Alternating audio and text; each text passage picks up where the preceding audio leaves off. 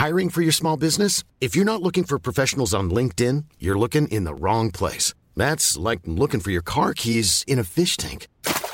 LinkedIn helps you hire professionals you can't find anywhere else, even those who aren't actively searching for a new job but might be open to the perfect role. In a given month, over 70% of LinkedIn users don't even visit other leading job sites. So start looking in the right place. With LinkedIn, you can hire professionals like a professional. Post your free job on linkedin.com slash people today. Planning for your next trip? Elevate your travel style with Quince. Quince has all the jet-setting essentials you'll want for your next getaway, like European linen, premium luggage options, buttery soft Italian leather bags, and so much more. And it's all priced at 50 to 80% less than similar brands. Plus, Quince only works with factories that use safe and ethical manufacturing practices. Pack your bags with high-quality essentials you'll be wearing for vacations to come with Quince. Go to quince.com slash trip for free shipping and 365-day returns. Many of us have those stubborn pounds that seem impossible to lose, no matter how good we eat or how hard we work out. My solution is PlushCare.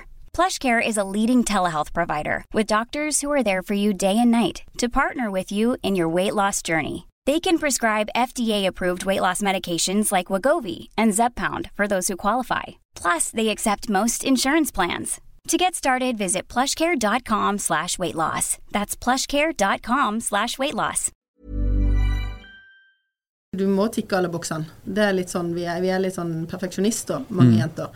Eh, og det må man bare legge litt fra seg. Eh, også hvis man er, har et, sånn, et mindset da, som, hvor man ønsker å utvikle seg sjøl, så forstår man at hvis jeg kan de, de store bolkene, eller noen av de, så kan jeg lære meg resten. Ja. Og, og det er jo ingen som eh, tenker at når de ansetter noen, at de kan hele jobben. For det kan de ikke. Nei, nei. De skal jo få litt opplæring, men så syns jeg kanskje det viktigste er at man skal få lov å finne sin vei sjøl. Hadde eh, jeg kommet inn i en jobb og fått en sånn en plan på alt dette her skal du gjennom, og dette skal du gjøre, så tror jeg bare det snudde i døra og gått ut igjen. For Ja. man må finne ut av det sjøl. Man må Ja. få pakke hverdagen. Syns i hvert fall jeg.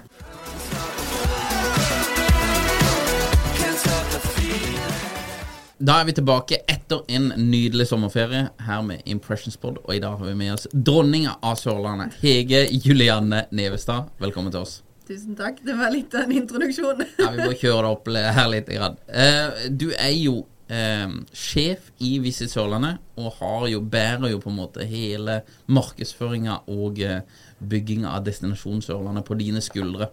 Hvordan føles det? Nei, det er tungt. Nei da, det gjør ikke det. Nei, det er faktisk veldig fint. Ja. jeg trives godt i den rollen, og ja.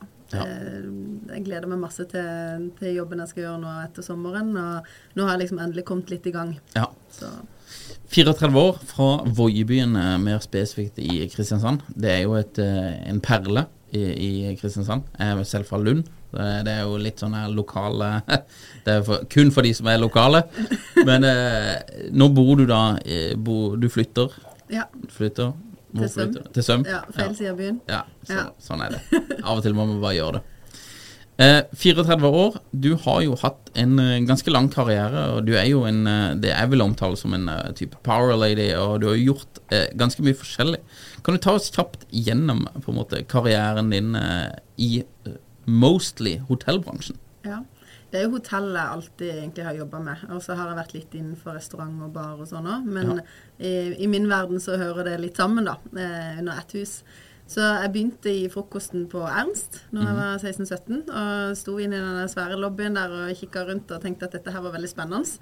Du jobber jo veldig tidlig i skift, så du begynner jo ofte i sånn 50-ja. Så Ja. du er jo helt alene der og kan eh, drømme deg litt bort og tenke på hvordan hadde det vært å være hotelldirektør her? Så det, mm, du begynte jo litt som det, da. At, eh, og det var egentlig der jeg sa det, at jeg skal bli jeg vil bli hotelldirektør. Og så søkte jeg på Hotellhøgskolen. Eh, og hadde egentlig litt eh, Det var ikke så mange som trodde at jeg skulle komme inn, eller at jeg skulle få det til. Og, og da får man jo enda mer sånn jo, jeg, det er jo klart jeg skal vise det. Dette er jo klart du skal få til. Eh, og så har jeg alltid hatt veldig mye pågangsmot, og egentlig bare kjørt på og tenkt at det ordner seg, og ja, veldig uredd, da. Ja. Eh, Så jobba jeg, flytta til Stavanger. Mm. Det er jo sånn veldig skummelt å flytte til en ny by. Det tror jeg alle som har gjort det første gang når man er 20 år. At det er flytte fra alle vennene og familie og få nye vennekretser og Det er jo alltid skummelt. ja. Så det har jeg gjort noen ganger. Men eh, da flytta jeg til Stavanger og var der i fire år og jobba jeg begynte å jobbe litt sånn på sida på Gamlaverket når jeg Ja.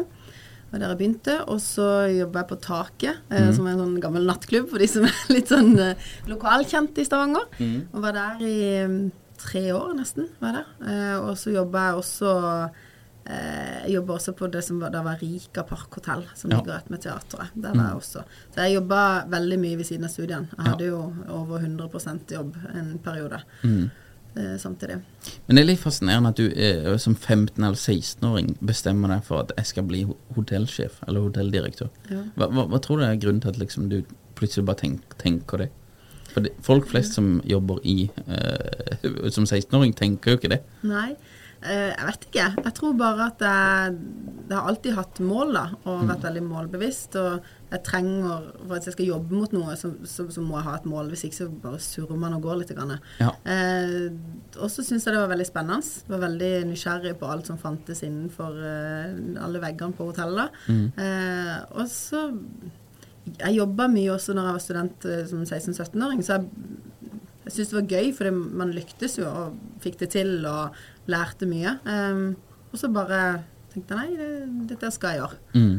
Jeg, hadde bare sånn indre drive da, som bare sa kjør på. Ja. Så da bare gønner du på. Ja. Du, du flytta til Stavanger, der eh, du jobber jo mye, og alt er jo på en måte innenfor hospitality. Eller du, du jobber jo med folk hele tida. Ja. Så du bygger deg sikkert en type kompetanse eh, gjennom det, og, og mye du kan ta med deg hele veien. Men eh, etterpå det, så eh, det, Jeg har prøvd å grave litt i historien din. Og det er jo, du, du har vært ve veldig mange eh, Du, du ender på Nordkapp. Ja. På et bra- brakkehotell, er det lov til å kalle det det? Eller? Nei, det var etter eh, Det var år nummer to, da. Ja. Eh, så eh, det var egentlig fordi at jeg jobba på Rika Parkhotell, da. Ja. Og så hadde jeg en sjef som hadde vært på, mm, på Nordkapp sjøl. Ja. Og så er det der Rika, da, som ble da kjøpt av Scandic, det var der Rika sendte sine kanskje unge lovende for å teste og se om de kunne Om de var brukbare. Oppi kulda. Ja.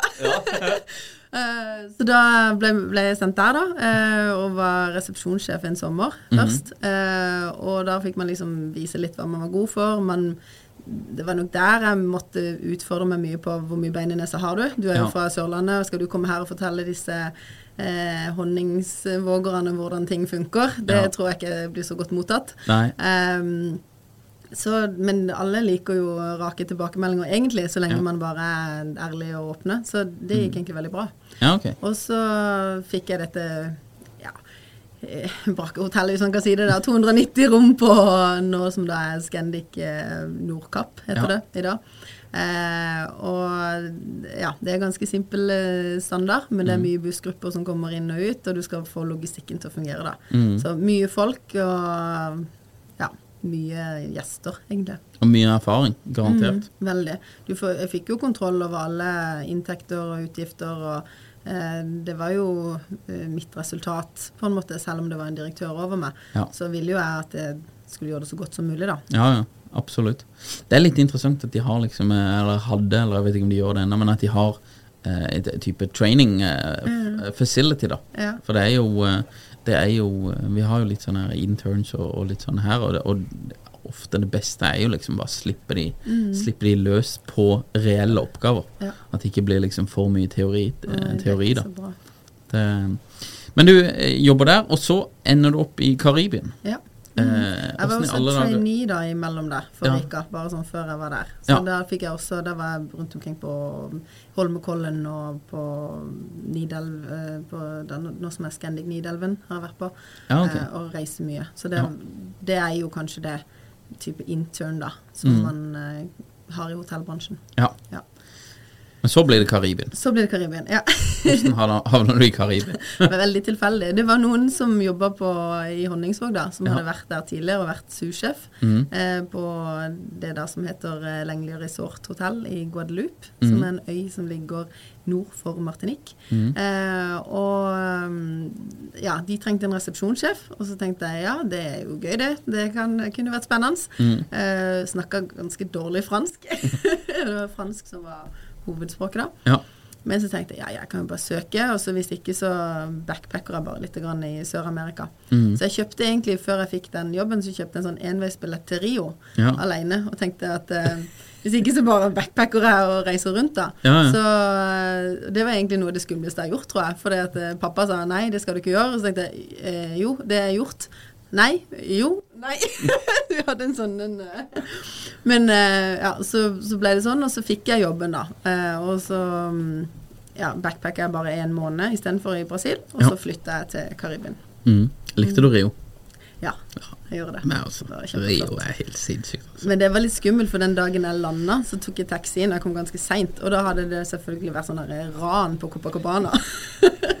så jeg bare Det var ganske sånn mye nerver fra før. Jeg bare lander og bare Hva er jo dette her pappa sa? Ja, ja. det, Det går bra. Det går fint. Ja. Det har god karma. Det går sikkert bra. det ordner seg som regel. Det gjør det. Det ordner seg, men man må passe litt på i Rio. Ja, man må det. Eh, så er det fra Karibien eh, til Alpene, Mhm. og så eh, til Hellas også. Det er jo, du har litt av en reise. Og, og Alpene og Hellas, bare ta oss kjapt gjennom det. Mm. Alpen var kjempeflott. Eh, og da var jeg i Val Thorans, da, som er et av de høyeste plassene du kan være, spesielt på den franske sida.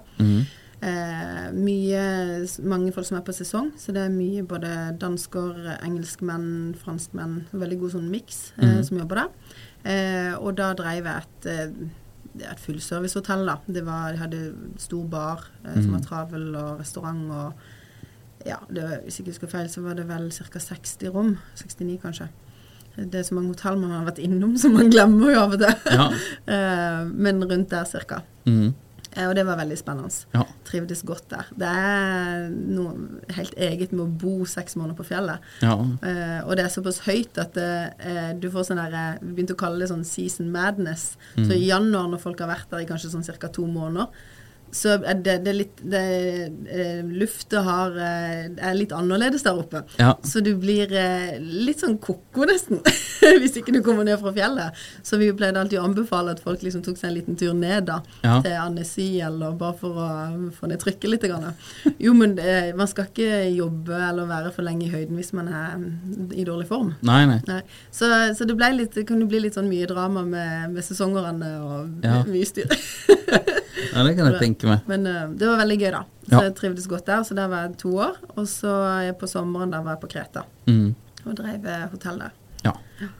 det, er- du, du har jo vært på enormt mange forskjellige hoteller frem bare fram til dette. Mm. Så det er jo eh, Det er jo sikkert veldig mye erfaring når du tar med deg. Og liksom ulike folk og ulike kulturer og alt mulig. Veldig. Man lærer Jeg lærte veldig mye av den tida i utlandet hvor jeg Ja, man kanskje blir litt mer tålmodig, da. Jeg er jo en veldig utålmodig person, Ja. egentlig.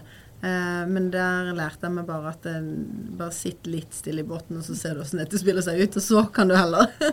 Ja. ja, fordi det, det er, som du sier, forskjellige kulturer, og folk eh, reagerer annerledes. Mm. Eh, men så til syvende og sist er det så kort sesong, så hvis du ikke lykkes med en gang, så er faren ganske stor for at hele sesongen ryker. Ja. Så du må pushe ganske hardt for å komme opp der man skal komme opp. Ja. For du begynner ofte med helt nytt personal eh, hver start av sesongen. Så Mm. da har du seks måneder. Så skal du liksom lære de opp i tre til fire uker, og Mm. så skal de jo kjøre hele sesongen. Og så forhåpentligvis så blir de hele sesongen for de trives. Hvis Ja. ikke så må du liksom bytte ut og hente flere. Eh, Ganske intensivt, da. ja, det er det. Du blir ganske god på å drille. Ja. Så jeg, jeg var jo sånn når jeg kom hjem fra Alpene da, hadde kjørt mye sesonger og begynte å, å, å hjelpe min gamle sjef da på, på døgnvill. Så uten at jeg egentlig tenkte meg om, så begynte jeg å lære opp folk rundt meg. Fordi at man er bare man er så vant til det. Så, Ja. så man bare sier ja, altså, nå som du skal gjøre det, så husk å ta med det brettet, og ikke gå tomhendt. Man bare, for man går på sånne autopiloter. ja. ja. Fikk du noen gang tilbakemeldinger at dette er irriterende? Nei, faktisk ikke. Det var Nei. veldig mange som sa det er så fint, for du, du, du bare gjør det litt sånn når vi har tid. Ja. Så jeg sa ja, ja, jo, jeg bare tenkte det var dødtid, så Jeg klarer ikke å liksom ikke gjøre noe. Du, du er en perfekt ansatte. Nei, men er, der er jeg faktisk sånn, hvis jeg ikke har noen ting å gjøre, så går jeg, hvis det er stille skift eksempel, så går jeg heller av, og så kan jeg gjøre et eller annet, eller, Ja. ja, det, mm, jeg klarer ikke å sitte og tråkke. Nei. Mm, eller stå, for den saks skyld. Nei, den ser jeg.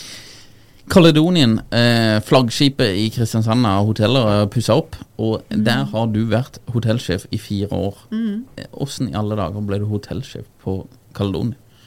Eh, nei, det, det var litt, egentlig en liten prosess. For det begynte med at jeg så at direktøren hadde slutta, eh, mm. forrige. Eh, og så hadde de ikke lyst ut denne stillinga. Så tenkte jeg men skal de ikke ha direktør, eller hva skjer? Eh, og så var det et veldig spennende hotell. Så jeg tenkte at jeg får han sikkert ikke. Eh, Da hadde jeg søkt litt eh, faktisk litt hotelldirektørjobber eh, i Choice, og vært på noen intervjuer faktisk inne i Oslo og litt forskjellig. Mhm. Eh, og kom ikke helt gjennom. Um, jeg hadde jo aldri jobba i Choice da siden jeg hadde vært i, på Ernst, da, så det var jo Mm. lenge siden. Eh, og så tenkte jeg ja ja, men hvis ikke man søker, så får man i hvert fall aldri et nei, så jeg må jo prøve. Og så spurte jeg min eh, fetter, for han jobber på Telfords, i puben som Kaledonien driver, mm. eh, og spurte om, ja, om han visste om de fremdeles søkte direktør, eller hva som var status.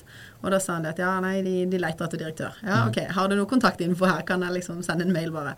Og så fikk jeg mailadressen til HR-direktøren i Heimir nå, mm. Katrine Glase. Eh, og så sendte jeg hun bare CV og ja, søknad, og sa bare hei, herre, jeg vil flytte hjem.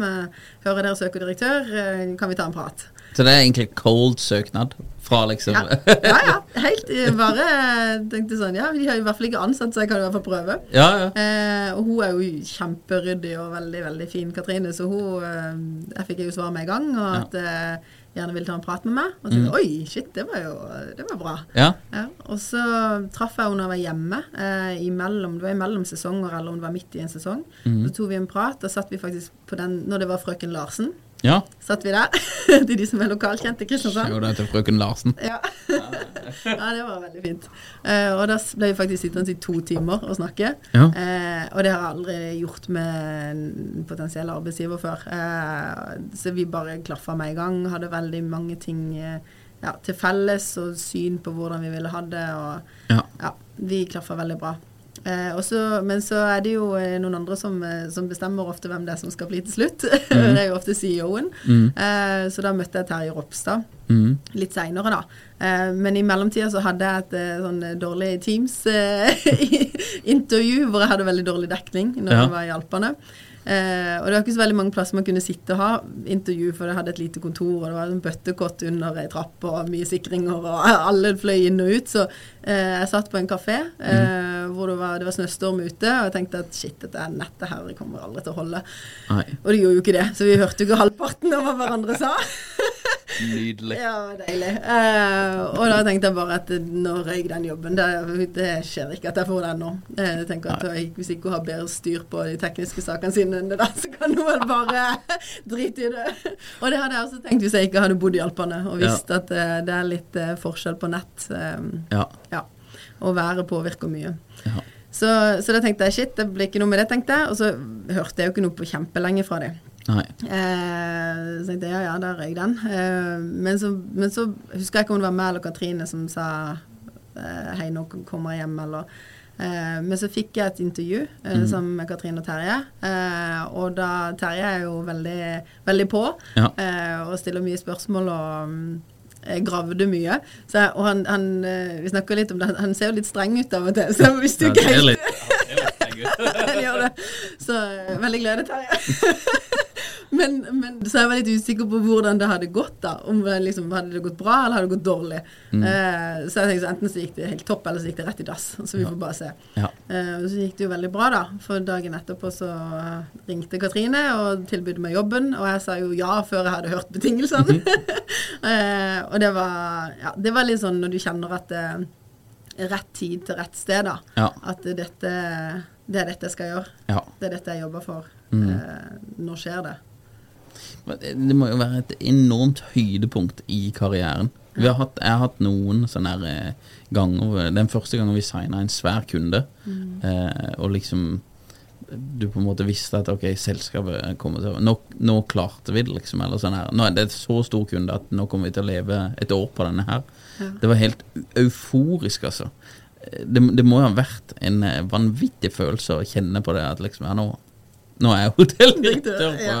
på, Galdonien Ja, jo, det var det. Og da, altså eh, Nå også er det et kjempeflott hotell, og det var jo det som var det ny, mest altså, nyoppussa hotellet i Kristiansand da, og Ja. eh, har jo et stort navn i hele Norge eh, på grunn av historien der. Eh, så det var, det var veldig prestisje for meg. Og så var det jo det at jeg klarte det før jeg ble 30. Ja. Jeg hadde jo som mål at det skulle bli før jeg ble 30, så jeg fikk jo tilbudet før jeg hadde bursdag. Ja. Og så ble jeg jo 30 før jeg begynte, men eh, jeg hadde signert eh, kontrakten. Ja. før det. Det var det viktigste. Men jo, det var Ja, jeg var litt sånn utafor meg sjøl, da. Ja. Jeg sto liksom, jeg husker jeg sto eh, eh, i en, en leilighet i Stavanger der, for da jobba jeg på døgnhvile litt. Og eh, sto der og bare hoppa jo opp på meg sjøl, vet du, hvis jeg skulle gjøre av meg. Nei, altså, hva, hva gjorde du for å feire? Jeg gikk på jobb. Jeg hadde skift, jeg hadde kveldsskift. Så det Det må ha vært et bra skift. Ja, det var veldig bra skift. Ja. Det var det. Nei, vi gikk rett ut og spiste biff. Ja. Var, Nei, det hadde jeg også gjort hvis jeg ikke hadde planlagt at jeg skulle jobbe. Ja. Så. Eh, så jobber du der en stund, og så eh, Nå er du jo eh, Du har vært sjef eh, lite grann for Visit Sørlandet. Eh, Åssen mm. havna du inn i det? Og det er jo på en måte du, du har jo en Hvis du ser på, på en måte karrieren din, så er den relativt eh, rett. Eh, for det er, det er hotell hele tida, og det er hotell over, over hele verden, holdt jeg på å si. Ja. Men, men så er du over på destinasjon. Eh, og det er, jo et, eh, det er jo en liten sving du har tatt karrieremessig. Ja, eller havna på sida, som du sier. Ja, er litt utover. Ja, ja. Men, men eh, det, det er jo det, det, det har jo mange likhetstrekk allikevel. Mm. Både med på en måte dette her med destinasjoner og hospitality og alt dette her. Så det er jo garantert veldig mye paralleller du kan dra uansett. Men åssen havna du som sjef for Visit Sørland? Eh, det begynte jo med at hun som var daglig leder før meg, eh, Synnøve Aabrekk, eh, tok en telefon eh, og spurte om eh, eh, jeg kunne være interessert i å støke, søke på sin stilling. Så sa jeg eh, egentlig bare det har jeg ikke tenkt på. Mm. Eh, så det må jeg nesten tenke på.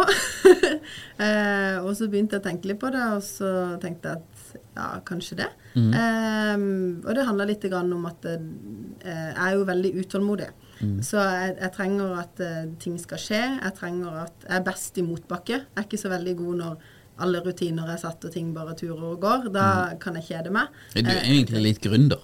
ja, kanskje. Ja, Ja, det, jo. uten å ha starte egne selskaper, men du er liksom dra ting opp. Jo, men Få jeg, få ting opp og kjøre. Jeg driver det jo som, som det er mitt eget, Ja. og det er jo på godt og vondt. Ja. Eh, det er jo, det, da mener man jo veldig mye om veldig mye hele tida, og hvis mm. det er noen ting som ikke liksom Hvis noen eh, sier at nei, du kan ikke gjøre det, så blir det jo også veldig tøft, da. Ja. Så det er jo det som er når man er den personligheten som er, da. Eh, man får veldig mye for det, og det vet jeg, men når man av og til ikke skal gå den retninga som man kanskje ser, Mm. så, så kan det bli litt sånn ja, litt gnisninger. Ja. Men eh, jo, da er nå kanskje det. Så du, men du ble trigga av at eh, folk sier at dette får du ikke til? Ja, det blir jeg veldig trigga av. Ja. Ja. Mm. Også. Da, da sier jeg bare ja, bare vent. Ja. Vi får se. Snakkes om et par år. Det var, det var et par som sa det til oss også, med selskap. Jeg tenkte å, følg med, altså. Ja. Det, det, men jeg, jeg, ble, jeg ble også dritmotivert av det der. For det ble nesten sånn her Du, du får mer bevis, eller noe Mm. Ja. sånt. her. Jeg får energi av det. Ja. Så da, det er da jeg sitter på kvelden og holder på. Når, eh, eller hvis det Jeg er jo best under press, sant. Så det gir meg et press på at eh, bare se. Bare Ja. vent og se. Så egentlig så oppfordrer vi alle til å si det til Hege. Sitter og jobber hele natta og kvelden og heil, alle helgene og ja, Men det Du får gang på det der, så må du bare gå hen til henne og si at dette er dette folket. Da blir det gass. Da blir det gass. Eh, mm, Så kommer du inn i den her. Prate litt om det, for du har jo li- eh, Jeg må jo si at når du, når du kikker på det, så du virker uredd.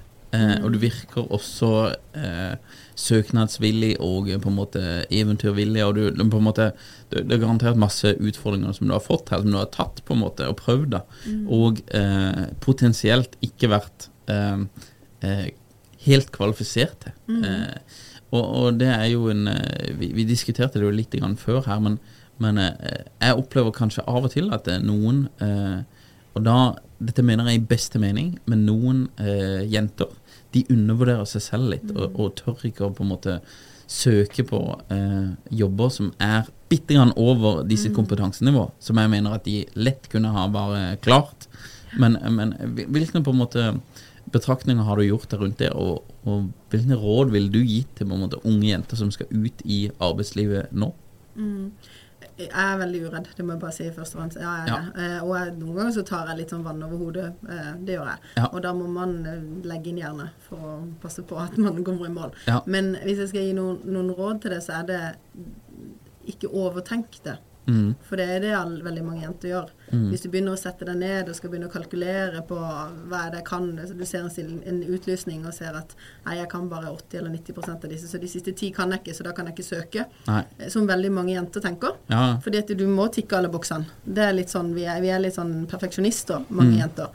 Eh, og det må man bare legge litt fra seg. Eh, også hvis man er, har et, sånn, et mindset som, hvor man ønsker å utvikle seg sjøl, så forstår man at hvis jeg kan de, de store bolkene, eller noen av de, så kan jeg lære meg resten. Ja. Og, og det er jo ingen som eh, tenker at når de ansetter noen, at de kan hele jobben. For det kan de ikke. Nei, nei. De skal jo få litt opplæring, men så syns jeg kanskje det viktigste er at man skal få lov å finne sin vei sjøl. Mm. Hadde eh, jeg kommet inn i en jobb og fått en sånn en plan på alt dette her skal du gjennom, og dette skal du gjøre, Mm.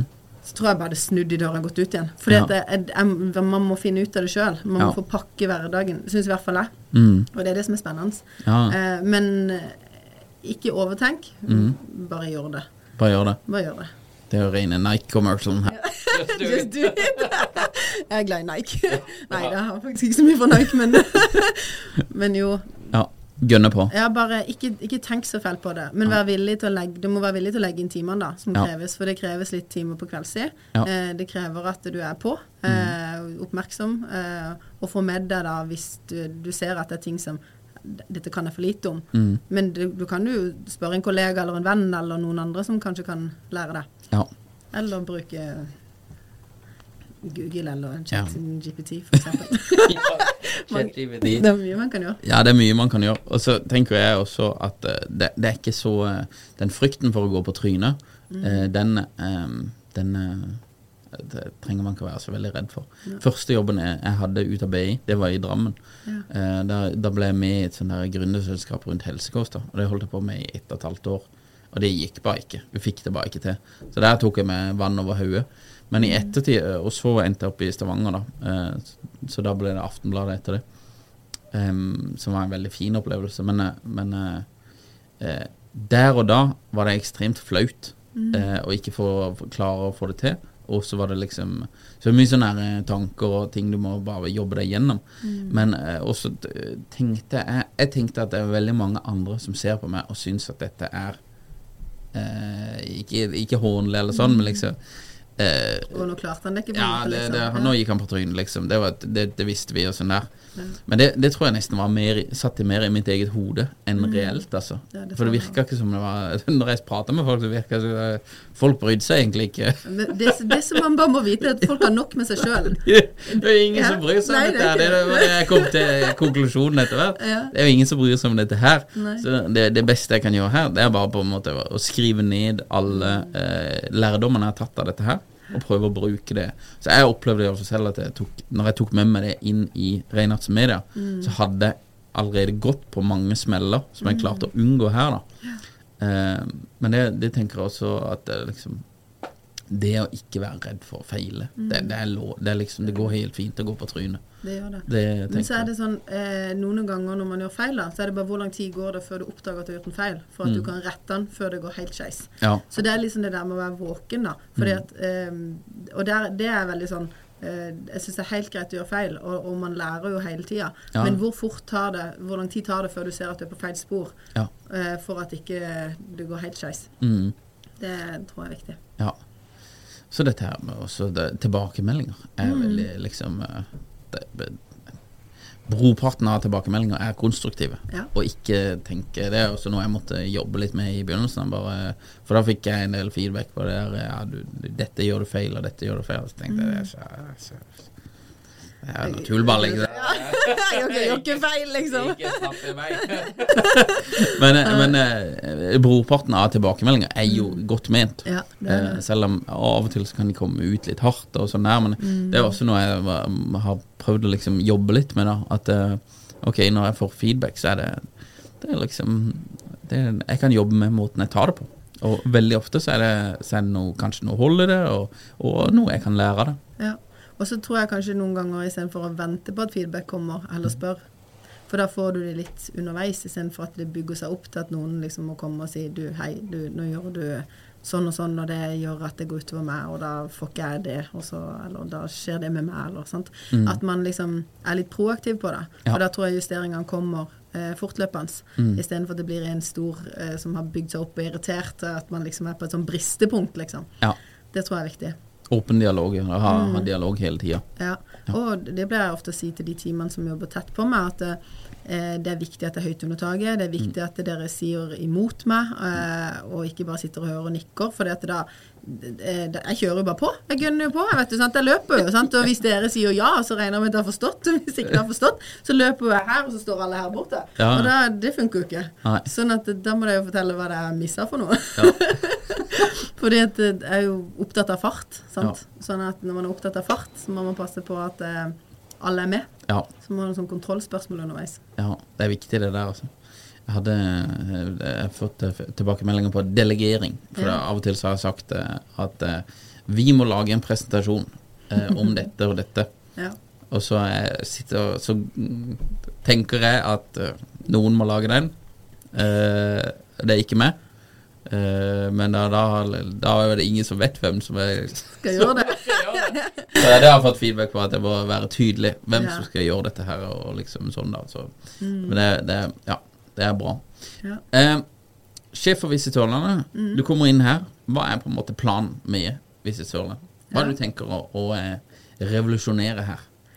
Eh, først så eh, Jeg tok jo over et team som var ganske lite når jeg begynte. Eh, sånn at eh, under pandemien så var det en del som slutta. Eh, Og man erstatta ikke de. Eh, sånn at det var et team på fire inn i 2023. Eh, og så kom de tilbake fra permisjon. Eh, så nå er jeg egentlig å bygge det litt opp igjen. Så vi, nå, har vi, nå har vi åtte, eh, sånn som det egentlig var før pandemien.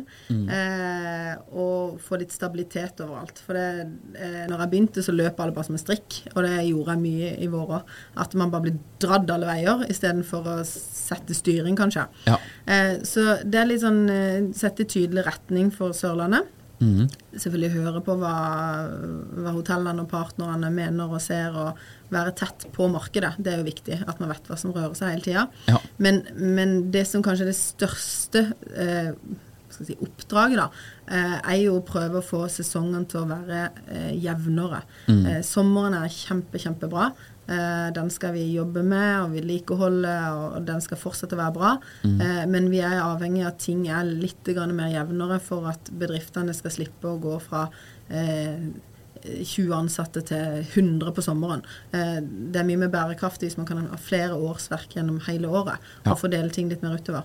Og det er jo selvfølgelig en kjempevanskelig oppgave, og det er jo ikke bare meg som kan gjøre det. Jeg trenger jo at alle gjør det, og alle tenker på det, og tenker på hvordan vi skal pakke Sørlandet. Helt ifra Risør til Hovden, Sirdal og Flekkefjord. Det, det, det, strekk, det er et stort eh, område. Ja. Eh, mye som skal tas inn. Um, men da er det jo en blanding av, av turistene eh, som kommer både fra utlandet og Norge, eh, men ikke minst også forretningstrafikken. Mm. Det er den som bygger uka ofte for hotellene. Ja, Og det er jo de som spiser på, ja, spiser på restauranter, og de som gjør teambuilding-aktiviteter eh, i ukedagene. da. Mm. Eh, så kan du få litt grann mer helger og ferier og, og, det med turister. Eh, og du kan strekke sesongen lenger òg. Ja. Og det får vi med internasjonale gjester nå. At vi ser at det er flere tyskere og nederlendere som, som er her eh, ferier i august, da, når vi egentlig begynner på jobb igjen. Ja. Så det er kjempebra. Men, eh, og det er blitt veldig mye bedre. Sørlandet eh, altså Vi har flere og flere besøkende for hvert år som går.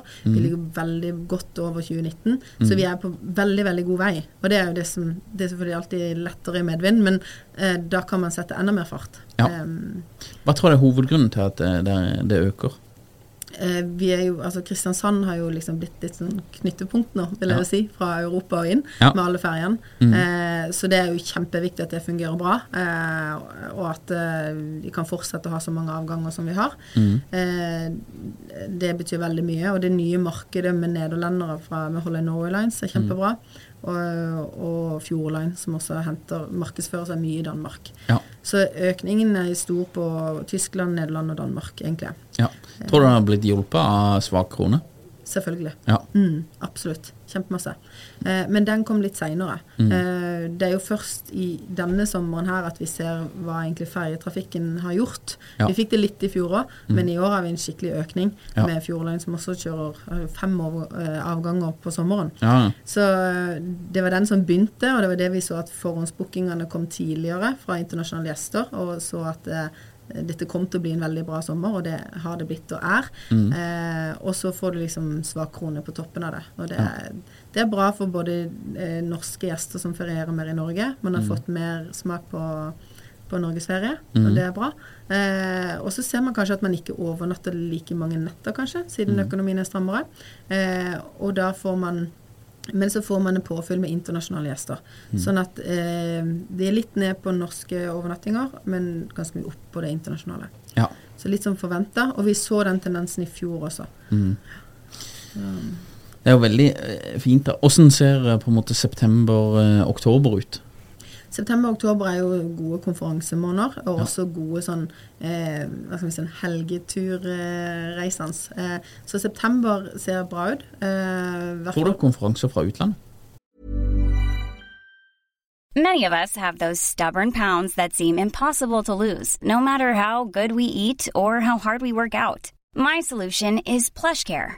PlushCare is a leading telehealth provider with doctors who are there for you day and night to partner with you in your weight loss journey. They can prescribe FDA-approved weight loss medications like Wagovi and Zepbound for those who qualify. Plus, they accept most insurance plans. To get started, visit plushcare.com slash weight loss. That's plushcare.com slash weight loss. Burrow's furniture is built for the way you live. From ensuring easy assembly and disassembly to honoring highly requested new colors for their award-winning seating, they always have their customers in mind. Their modular seating is made out of durable materials to last and grow with you. And with Burrow, you always get fast, free shipping. Get up to 60% off during Burrow's Memorial Day sale at burrow.com slash ACAST. That's burrow.com slash ACAST. burrow.com slash ACAST. Ikke så veldig mye, Nei. men der ønsker vi å spille mer både på UiA og sykehuset. Ja. Eh, og der har vi et prosjekt som heter Møtebyen, som ligger under eh, Visit Sørlandet. Mm. Eh, hvor man da eh, jobber med å få de til å ha, altså, lage sine egne konferanser og styre de etter når vi egentlig trenger de. da. Ja. Og der får vi en del. Ja, Eh, vi er der for, men der får vi ofte store, Mhm. og vi får nasjonale. Eh, og da vi er oppe i å sitte med og bidde på ting som er opp mot 2000 gjester nå ja, okay. for Kristiansand. Så um, Men på 2000 gjester, da må du ha, da må du ha store samarbeid. ja. Eh, ja, ja, ja. Det er jo ingen hoteller i Kristiansand. Det har 2000 gjester. Nei, men Møtebyen er jo ett stort samarbeid Ja. med alle hotellene i Kristiansand Ja. som er med på det. Eh, og da, da, da drypper du på alle. Og det er jo det som er poenget. At eh, Maria som jobber med det, skal selge hele byen, da. Ja. Og på sikt så ønsker jeg at hun skal selge hele Sørlandet. Mm. At vi kan bli så store. For det, Ja. det, det trengs mm. uh, i distriktene nå. Ja, ja.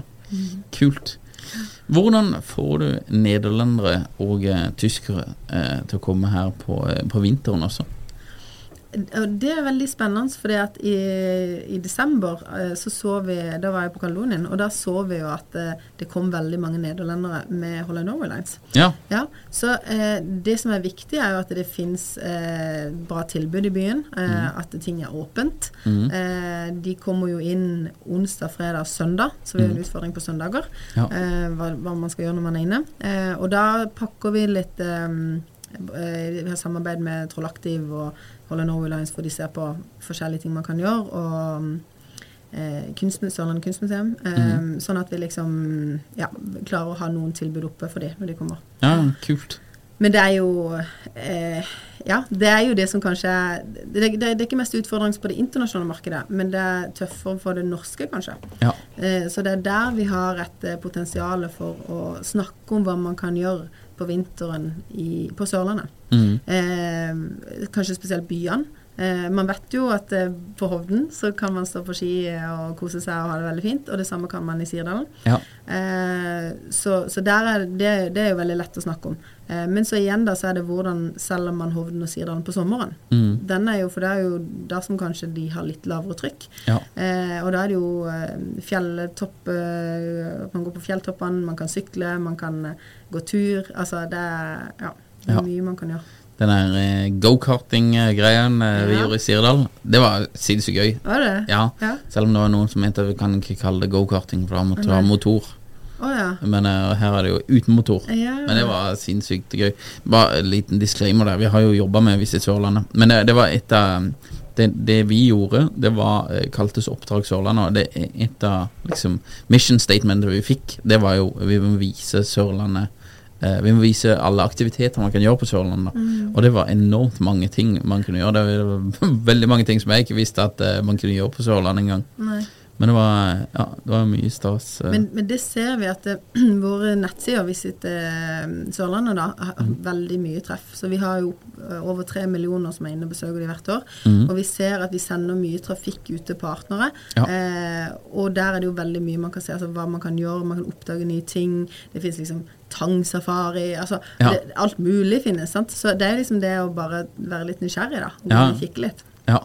Vi har holdt på med den dykking her i uh, Lynghør Nei, hvor var det? Ja, vi var dykka Ja. og fant sånn her eh, ja, det masse forskjellige Ja, greier. jo, jo, men det er jo kjempespennende. Ja, Ja. Det eneste som er litt dumt, er hver gang kona spør om vi skal gjøre et eller annet eh, Sånn her, vi må gjøre noe helt nytt, da. Ja. Så tror jeg, jeg tror jeg nesten har gjort alle sånne aktiviteter. Jeg har prøvd alt mulig. Nei, Men det, du må, det er jo første gang for hodet, så du må jo Ja, være med en gang til, da. Nei, det, det er jo eh, Ja, det er ganske uh, bredt tilbud Mm. over ting man kan, eh, ting man kan gjøre altså, på Sørlandet. Det er det. Eh, når du har en destinasjon Vi har jobba med litt ulike destinasjoner. eh, Så er det jo eh, ofte en samling. eh, og de er jo ikke alltid helt likt strukturert, disse her eh, visit-destinasjonene. Men det er ofte en samling av mm, veldig mange aktører. Og naturlig nok så vil noen av de være konkurrenter. Så de vil konkurrere med hverandre. Og noen vil jo kanskje tenke at de er konkurrenter uansett, for det eh, man konkurrerer om tid og oppmerksomhet eh, til, eh, til folkene. Hvordan eh, får du eh, disse bedriftene og aktørene til å jobbe sammen og på en måte istedenfor å kjempe om kaka, jobbe så kaka blir større for alle? Det synet tror jeg er blitt endra over eh, ganske lang tid nå. Ja. Så jeg ser det at eh, på Sørlandet nå så er det mye mer hvordan kan vi, eh, hvordan kan vi heller stjele fra Rogaland eller Oslo eller Ja. Men hvordan kan vi få en del av de store eh, kursene eller konferansene som går på tur ofte, som bytter byer. Mm. Ja. Altså bare få Kristiansand med på det, eh, hjelper jo veldig. Eh, Mm. så, så det er en del av det. Og så er det det å tenke at eh, samarbeider vi, så fyller du ett hotell, eh, så nyter du godt for restaurantene i byen, for de går ut og spiser. Ja. Eh, eller, eh, og det de er overflødig å komme på nabohotellet. Mm. Sånn at eh, man forstår at det er ikke alltid sånn at man trenger å å få det på, til sitt hotell, så lenge det kommer til byen. Ja. Og jeg tror at det synet har blitt mye bedre. Eh, det har egentlig vært sånn så lenge jeg har vært i Kristiansand. Så det er Ja. mye som har eh, skjedd de siste i hvert fall 15 årene på det. Det er ikke lenger sånn at man, man, man går til, til nabohotellet og går og kikker hvem er det dere har på kurs. Å ja, nå ringer jeg etter de, liksom. Ja. Det, den tida er ferdig. Ja. Man vil heller prøve å se hvem er det som man vet at har store ting som man kan trekke til Sørlandet, da. Mm. Eh, for å skape mer aktivitet. Ja. Eh, Istedenfor å spise av markedet til hverandre. ja. Det er en dårlig eh, strategi. Ja, for det er jo det at eh, når man eh, jobber sammen, så på en måte kan man jo gå opp og, og, og claime nye jobber, da. Eller på en måte andre typer oppdrag, da. Ja, man kan det. Nei, det, det er veldig um, interessant. For det er jo um, med så mange forskjellige aktører da, som tilbyr så mye forskjellig, så er det jo det at eh, du kan sette sammen ganske interessante pakker også på aktiviteter og sånn, og liksom gjøre, gjør mye forskjellig eh, sånn sett. Ja, alle vil liksom samarbeide, og Ja. det er veldig positivt. Ja. Eh, så det alle ønsker å samarbeide med aktiviteter og restauranter og eh, Det er det samme som hvis, man, hvis de selger inn en, en gruppe på la oss si 200 stykker da, som skal til, til Kristiansand, og Mm. så skal de spise en plass. Eh, så kan de kanskje ikke spise Kanskje det skal være tre dager. Kan de ikke spise hver dag på hotellet. De Nei. ønsker å spise en annen plass. Ja. Sånn, Så vil man jo koble på seg noen, eh, noen partnere der, og da nyter jo alle godt av det. Mm. Så det, mm, det er veldig riktig fokus på det i, i Kristiansand nå. ja.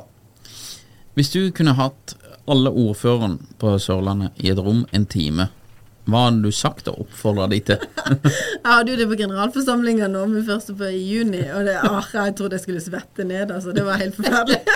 Jeg tenkte nå skal alle skyte meg, for det at alle har jo liksom en interesse i Visit Sørlandet. Ja. Alle mener jo noe om det man holder på med hele tida. Ja. Eh, og uansett hva jeg gjør, så, så kommer jeg til å gjøre noe som noen syns at det er drit. Så sorry, sånn er det bare. Jeg kommer til å gjøre det. Og det er bare fordi jeg er så uredd. Så jeg kommer til Det vet jeg bare. Så er det bare hvor mye man skal tåle få. Men hva jeg ville sagt da, er jo det eh, Vær litt tålmodig. Eh, vær litt, eh, gi meg litt tid til å få lov til å få fart på det. Ja. Eh, men også eh, være bevisst på hva dere legger igjen også. Mm. Eh, vi, tre- altså, som destinasjonsselskap så trenger vi ressurser. Mm. Og det er kanskje noe av det som blir kutta først. Ja. At plutselig så får man beskjed om at man får kutt i midler i desember, og så har man lagd budsjettet for neste år allerede. Ja.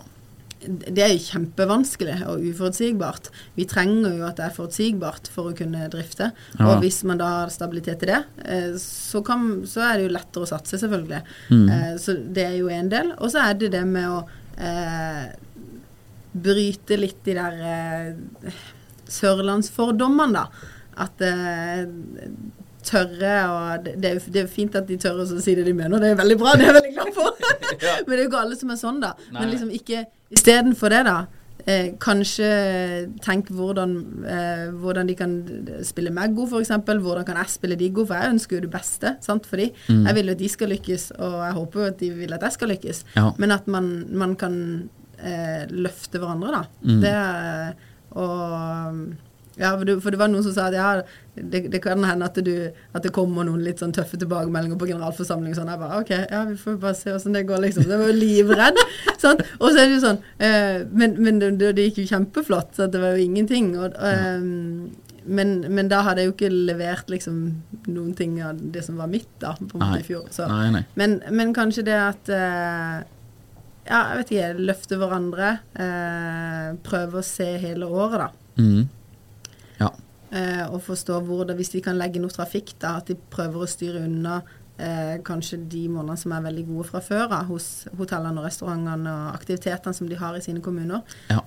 Spør når er det dere trenger det mest. Mm. Ja, Vi trenger det i februar. Ja, OK. Da kan vi prøve å styre det dit, da. Ja. Og kanskje gjøre om litt på planlegginga. For det er jo det man ofte får, at eh, nei, det passer ikke da, for da, skal, da, har man, er man i den fasen eller holder på med det. Mm. Så da kan man ikke ha konferanse da. Så det er sånn, Nei, det gjenspeiles i hele det norske markedet i alle storbyer. Ja. Jo, men det gjør det! Ja, ja, det gjør Sånn, så det er jo litt sånn Kanskje man skal Hvis man kan få til noe sånt og tettere dialog på det, så er det kjempebra. ja. er det, er det vil, du si at det er litt eh, At dialogen kan bli bedre? Det kan han alltid. Ja. Det, det er det samme kommunikasjonen, og man vet alltid at man kan kommunisere bedre. Ja. Eh, man kan være alltid enda tydeligere. Eh, det kan være enklere å kanskje ta opp telefonen, det kan være enklere å stikke innom og si hei. Og, og, og sånn er det alltid, uansett hva man jobber med eller hva man holder på med. Mm. Så er det det. Og så er det lett å, det vet man jo sjøl òg, anta at sånn er det. Ja. Eller eh, når eh, Jan Oddvar Skisland meg at du må bare stikke innom og ta en kaffe hos meg en dag du er der oppe. Så tenkte jeg bare sånn det, det tør jeg ikke, liksom. så, men, du vet, liksom. Men det er jo egentlig bare veldig godt ment. Ja, ja. Og det er jo veldig fint, for da sitter han tettere på det. Så at man egentlig bare Det må man bare gjøre. Sant? Men man føler at man kanskje ikke fortjener det, da. Jeg vet ikke. Sant? Liksom, Nei. Ja. Mm, Nei. Nei. Nei, det er mye Man kan tenke. Ja, det er det. Det, det kan du være han ehm, jeg, jeg føler ikke så godt med Men det ser, kan det se ut som at Mathias Bernander blir eh, nye kaffepartneren? Ja, det kan, jeg har ikke tatt noe kaffe ennå men det kan se ut som det kan bli det, ja. Ja. ja men det, jeg, tror, jeg tror han er tror han er ganske framoverlent er på ballen, altså. Han er kjempe, han burde du faktisk invitere. Ja, jeg skal det. Ja. Jeg- jeg- Mathias skal på podden, det er ikke noe å lure på. Altså. Nei, eh, jeg gikk på videregående med han. Ja, Han, eh, han, var, han er en skarp type. Veldig. Han er veldig Mm. Så han er, ja. Skarp type. Allerede hatt en kaffe med han, så vi er på Ja, du det? Ja, ja, han har du hatt Ja, det er ikke så skummelt. altså. Nei. Ja, men jeg vet ikke, jeg har aldri liksom vært i det politiske bildet, sant? så jeg har liksom kjent at det Nei. Ja. Men han er 89-modell sammen som oss. mm. Så han er Ja. Eh, du kommer jo mest sannsynlig ikke til å jobbe i Visit Sørlandet for alltid, Nei. men det, det vet vi ikke. Men når du er ferdig i Visit Sørlandet, hva ønsker du at eh, på en måte skal sitte igjen og med om Sørlandet? Hva, hva skal folk sitte igjen med om Sørlandet etter du er ferdig? At eh, vi oppleves som fremoverlent, eh, og at eh, sesongene er ikke så store svingninger. Vi kommer aldri til å klare å viske de ut, det, det, det er vanskelig. Men at, eh, at det er jevnere. At man har klart å få mer trykk i, i helger og, og januar-februar. Um, og ikke minst at det kurs, store kurs og kongresser uh, kanskje allerede er planlagt mange år fremover i tid. Ja. Uh, sånn at uh, man ser at byen blomstrer. Mm. Det er nok kanskje den som sitter mest. Ja. Altså at eh, man har et destinasjonsselskap som, eh, som er på, da. Som ligger godt eh, sånn langt foran mm. kanskje mange av de andre. Og knuser Visit Oslo og litt sånn. Nei da. Men du vet litt sånn Det var med litt positiv ja, konkurranse. man må det. Det er Ja. kjempe, kjempefint. Ja. Nei, men så er det Vi jobber jo også mye med f.eks. prøve å få til at man kan booke direkte på våre sider. Og det Ja. har vært en sånn evig diskusjon, og får man det til, og blir vi for kommersielle? Og, men det er så stort ønske, så det er ja. en sånn stor ball som jeg håper at vi klarer å lande. Mm. Det kan godt hende at vi klarer i år eller neste år. Ja. Eh, men det, det har vært diskutert så utrolig mye. Mm. Eh, så det håper jeg at vi klarer. For da, da er det mye lettere for eh, gjestene å booke alt med en gang, Ja. istedenfor å gå inn på hver side sjøl. Ja. Så Men eh, store linjene eh, At vi er framoverlente på ballen og har god kontroll på hva som beveger seg. Ja. Kult. Det, det er jo eh, Dette her vet jo du garantert, men det er jo noen som ikke Men det å få en sånn bookingløsning til å funke sømløst på en sånn side, det er en mye større oppgave enn eh, det folk tror, altså. Det er ikke bare å kneppe inn en liten sånn en kalender eh, er, er her, altså. For det, du skal ha alle disse her systemene til å snakke med hverandre og sånn. Er alle forskjellige systemer inn der også, vet du. sant? Så å få liksom Alle hotellkjedene har hver sitt system, for eksempel, eller alle restaurantene har hver sitt system. Ja. Så skal det snakkes inn mot en portal. Ja. Ja, Det, ja, det tar litt tid. det gjør det. Men det hadde jo vært eh, bra. Ja, det hadde vært, eh, det hadde vært veldig bra. Jeg husker eh, når vi jobber i Aftenbladet, det er jo dette her å gjøre gjør ting på nettet som jo, jo mer sømløst du klarer å gjøre det, jo høyere konvertering har du jo. Jeg husker de hadde i ja, at det, det var liksom et av de tingene de skulle demme opp med mot eh, Facebook-annonser, da. For var, på den tida så var jo Facebook-annonser veldig mye billigere. Ja. Men det var at du kunne ha annonser, og så kunne du ha one click purchase i annonsene. Så hvis du så et eller annet du likte, så kunne du liksom trykke bare 'kjøp', og da lå jo Ja, det husker jeg faktisk. Ja. Ja. eh, Og da lå, eh, da lå jo adressen din inne, for det Schibsted hadde jo all dataen din. de hadde betalingsinformasjon. Så det var liksom ingen Du trengte ikke å fylle inn noen ting, det var bare bom, rett hjem i posten, eller et eller annet sånt der, da. Så det, det var ganske eh, Ja, de hadde flere testgreier på det der. Men jo Ja. Jo, men jeg tror jo også at man kjøper mer, da. For når man er i planleggingsfasen, så vil man veldig mye ofte. Og Ja. så sjekker man ut veldig mye. Og hvis det er enkelt, så booker man det bare. Mens hvis det er litt stress eller litt vanskelig, eller man må gå innom veldig mye, så blir det sånn Nei, dette gidder jeg ikke. Vi finner ut av det når vi reiser ned. Og så gidder man ingenting, på en måte, for da er man der, og så ser man hva, hva som er i nærheten. Ja. Jeg leste en statistikk, det var et par år siden, men det var at folk bruker mer tid på å planlegge reisen enn å reise. Ja. eh, Enn selve reisen. Ja. Så det er litt sånn her eh, da, da kan du skjønne hvorfor alle disse her eh, Våre Instagram-kontoer lever på en måte, og hvorfor Folk er veldig sugne på informasjon før de drar til et sted. ja, det det. Folk flest planlegger veldig. Ja, jeg er jo, jeg tilhører ikke den rasen der. Nei, men jeg også. Nei. Jeg, jeg, enveisbillett til Rio. Vi møter noen folk der. Vi er det ikke, ikke booka overnatting engang?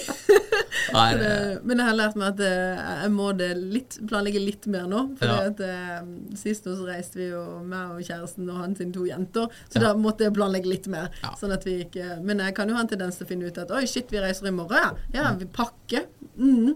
Og nå er det ikke bare meg jeg skal pakke for, så nå skal jeg pakke for fire. så jeg får det noen ganger at bare Dette her, du skal jo gjøre x antall ting først, før du skal begynne å pakke, og nå er klokka ti. Ja. Vi reiser klokka seks i morgen tidlig. ja, ja. Ja. Ja, det, det noe, jeg synes, rent personlig syns jeg det er noe herlig med det også. Mm. At det liksom er litt sånn i nuet. Første gang jeg dro til Jeg tok med meg dama til California. Mm. Så fløy vi over, og så på flyet over sier hun ja, vi booker noe hotell. Og sånn, «Ja, nei, vi har ikke booket noe hotell. Vi finner jo Vi bor bare et sted. Det ordner seg, det. Vi har booka bil. Ja. Det, bare, det, det ordner seg, liksom. Og hun bare ja, ok, vet ikke, vi vet ikke hvor vi skal sove i natt. Nei, det er helt korrekt. Vi vet ikke det. Så det, det ble overraskelse. Ja, det min eh, kjæreste hadde også reagert litt sånn. Men det, tenker jeg, det er helt fint, liksom. Det, Det løser seg alltid. Det, løser seg alltid. Ja. Det løser seg alltid. Eh, en uoppdaga det, det, Sørlandet har mange på en måte eh, skatter og, og steder som er kule og sånn der. Hva vil du si er en uoppdaga skatt eller sted på Sørlandet som du tror på en måte kommer til å vokse og få, Mm. fortjener mer oppmerksomhet? da? Um, det er veldig mange fine plasser, eh, men det er jo én plass som har, folk har begynt å få litt øynene opp for nå, som jeg tror kan bli veldig stor, uh, og det er Brufjellholderne mm. rett eh, med Flekkefjord. Ja. Eh, og det, jeg mener jo at det er liksom Sørlandets prekestol. Ja. så får vi litt eh, infrastruktur rundt det og litt logistikk på plass, så ja. kan det virkelig bli det. Ja. Det er kjempeflott der. ja, det er kult. Har du vært der? Nei, det har jeg ikke vært. Nei, der må du dra. Ja, det må, det må vi ta en tur. Ja, Det er jo sånn Instagram-vennlig, vet du. Ja, ja, vi skal, vi skal få det ut på Instagram. Er, det er Eller TikTok, hvis du vil. Ja, TikTok også. Nei, det, det er kult. Ehm, så det er på en måte the hidden gem, vil du si.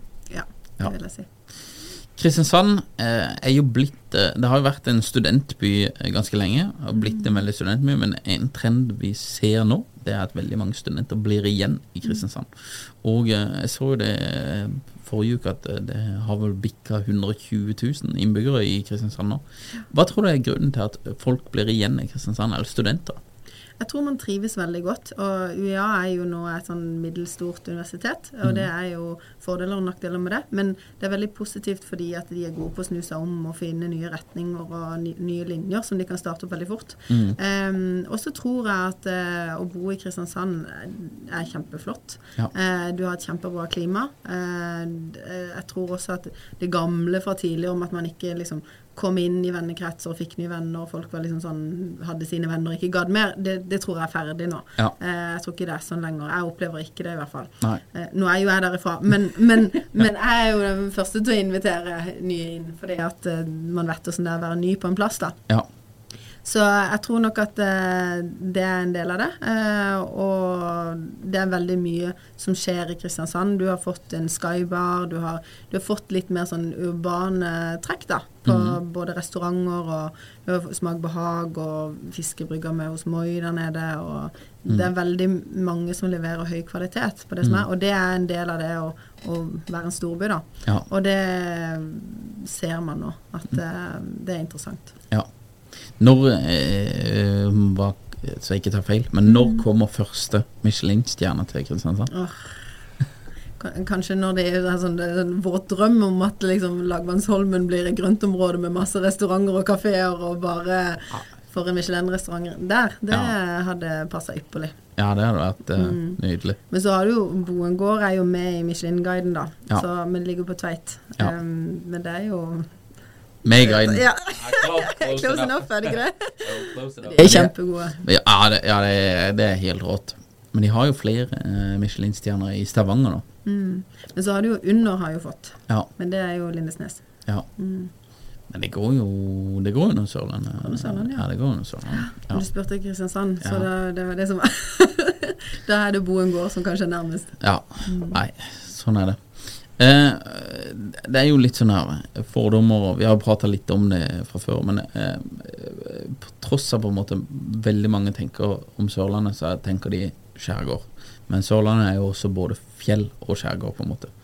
Hvordan eh, eh, jobber dere med markedsføringa der? For det, det er jo eh, Når jeg gikk på BI, så sto dette i læreboka, og det er jo et, eh, et av konseptene som, eh, som jeg har eh, troa på, eller som jeg tok med meg, og som er riktig. da Hvis du skal prøve å si alt, så får du ikke sagt noen ting. Hvordan klarer man å kommunisere på en god måte at uh, flere ting samtidig om Sørlandet? Eh, det er jo vanskelig, sånn, det jo, må jeg være så ærlig å si. Det er det jo. Men, men så tror jeg det er bare det å vite kanskje litt sånn når er det de trenger det mest.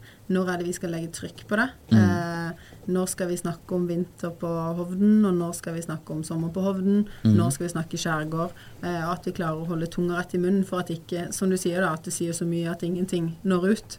Ehm, men, men der har vi et eh, kommunikasjonsbehov, da. Eh, for at man, mange ikke vet at det er at vi Hovden er en del av, av Sørlandet. Ja.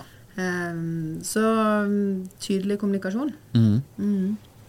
Eh, men så Nå har det jo vært eh, Vi snakka litt om det før på den òg, at eh, eh, vi har jo ikke hatt egentlig en sånn en, en stabil person som har sittet på sosiale medier hos oss. Og jeg mener jo at her kan man nå veldig mye. Eh, det har vært bytta ut veldig mye. Vi har leid inn litt her. Ikke hatt kontroll over alle kanalene. Jeg tror jo dette er mye med på liksom, at man snakker de, altså sier de samme budskapene da, overalt. Da blir det mer trykk på ting, og du når bredere ut. Så det er jo en av de første grepene som jeg gjorde um, når jeg begynte i Visit Sørlandet, å få noe en til der. Mm. Um, så jeg tror det kan være med på at det er et tydelig budskap, da. Ja. For dere, dere nå har dere jo kjørt på litt på TikTok og, og greier i sommer. Hvordan mm. ser dere på de nye Er, er TikTok liksom en viktig plattform for dere, eller eh, Ja, det, er jo, det er jo en ny plattform, så det var Ja. en litt sånn test i sommer for oss å se. Ja. Eh, og eh, vi kunne godt kanskje kjørt den på Instagram, men der hadde vi litt sånn takeovers fra partnere og litt sånn. Men Mm. eh, vi ser hvor mye engasjement det har skapt da på TikTok. Så vi kjører den på TikTok og på Snap, da. Eh, kjører vi den. Eh, og det som er gøy, er jo det at vi får så mange barn som kommer hen til oss og som sier 'Å, jeg sitter på TikTok!' Å! Og så står foreldrene ved siden og tror at det er kjendiser, liksom. Så det var sånn, yes! da husker de oss i hvert fall. Ja, ja. Så eh, en del av kanskje det hovedsaken med å gjøre den sommerturneen som vi gjorde, var jo for at folk skal vite hvem vi er, hva Ja. vi holder på med. Ja. Hva er Visit Sørlandet? At man skal ha et forhold til det. For det var sånn når jeg fikk denne jobben, da, så min kusine sendte melding, og så spurte hun ja, gratulerer med ny jobb, da. Eh, hva er det du skal gjøre? Nei, daglig leder i Visit Sørlandet. Ja, det skjønner jeg jo, da. Altså, jeg har jo sett det, da. Men hva er det du skal gjøre? Ja. For det er liksom så stort at man, man eh, Ja, det er salg og markedsføring og eh, ja, jobbe opp destinasjonen, på en måte. Men, men det, er, så- det er så mye som man klarer ikke helt liksom sette fingeren på. Hva er det hun gjør for noe? Mm. Ja, hun skal lede det teamet, men hun kan jo lede hvilket som helst team, på en måte. Ja. Eh, og da har vi liksom klart å skrelle det ned litt til at eh, det vi skal jobbe med, det er egentlig ting som eh, skaper mer aktivitet og overnatting til Sørlandet. Ja. Hvis det ikke gir eh, enten en, en ekstra middag en plass, eller en overnatting, eller gir noe akt at aktivitetene tjener på det, så skal vi ikke gjøre det. Fordi at det er ikke innenfor vårt eh, område. Nei. For jeg, jeg kunne bli spurt om å komme og eh, presentere innenfor eh, de skulle ha, de skulle ha for noe, i forhold til noe sånn brannslukking og egentlig litt mer sånn eh, eh, ja, hvordan skal vi slukke branner og øvelser på det og sånn. Så jeg bare sånn, her har jeg ingenting å gjøre. Nei, nei. Hyggelig at du spurte, men eh, hæ? så, så det var litt sånn, ja. Ja. Det, det, man må liksom sile ut hva er det man skal bruke tida på. ja.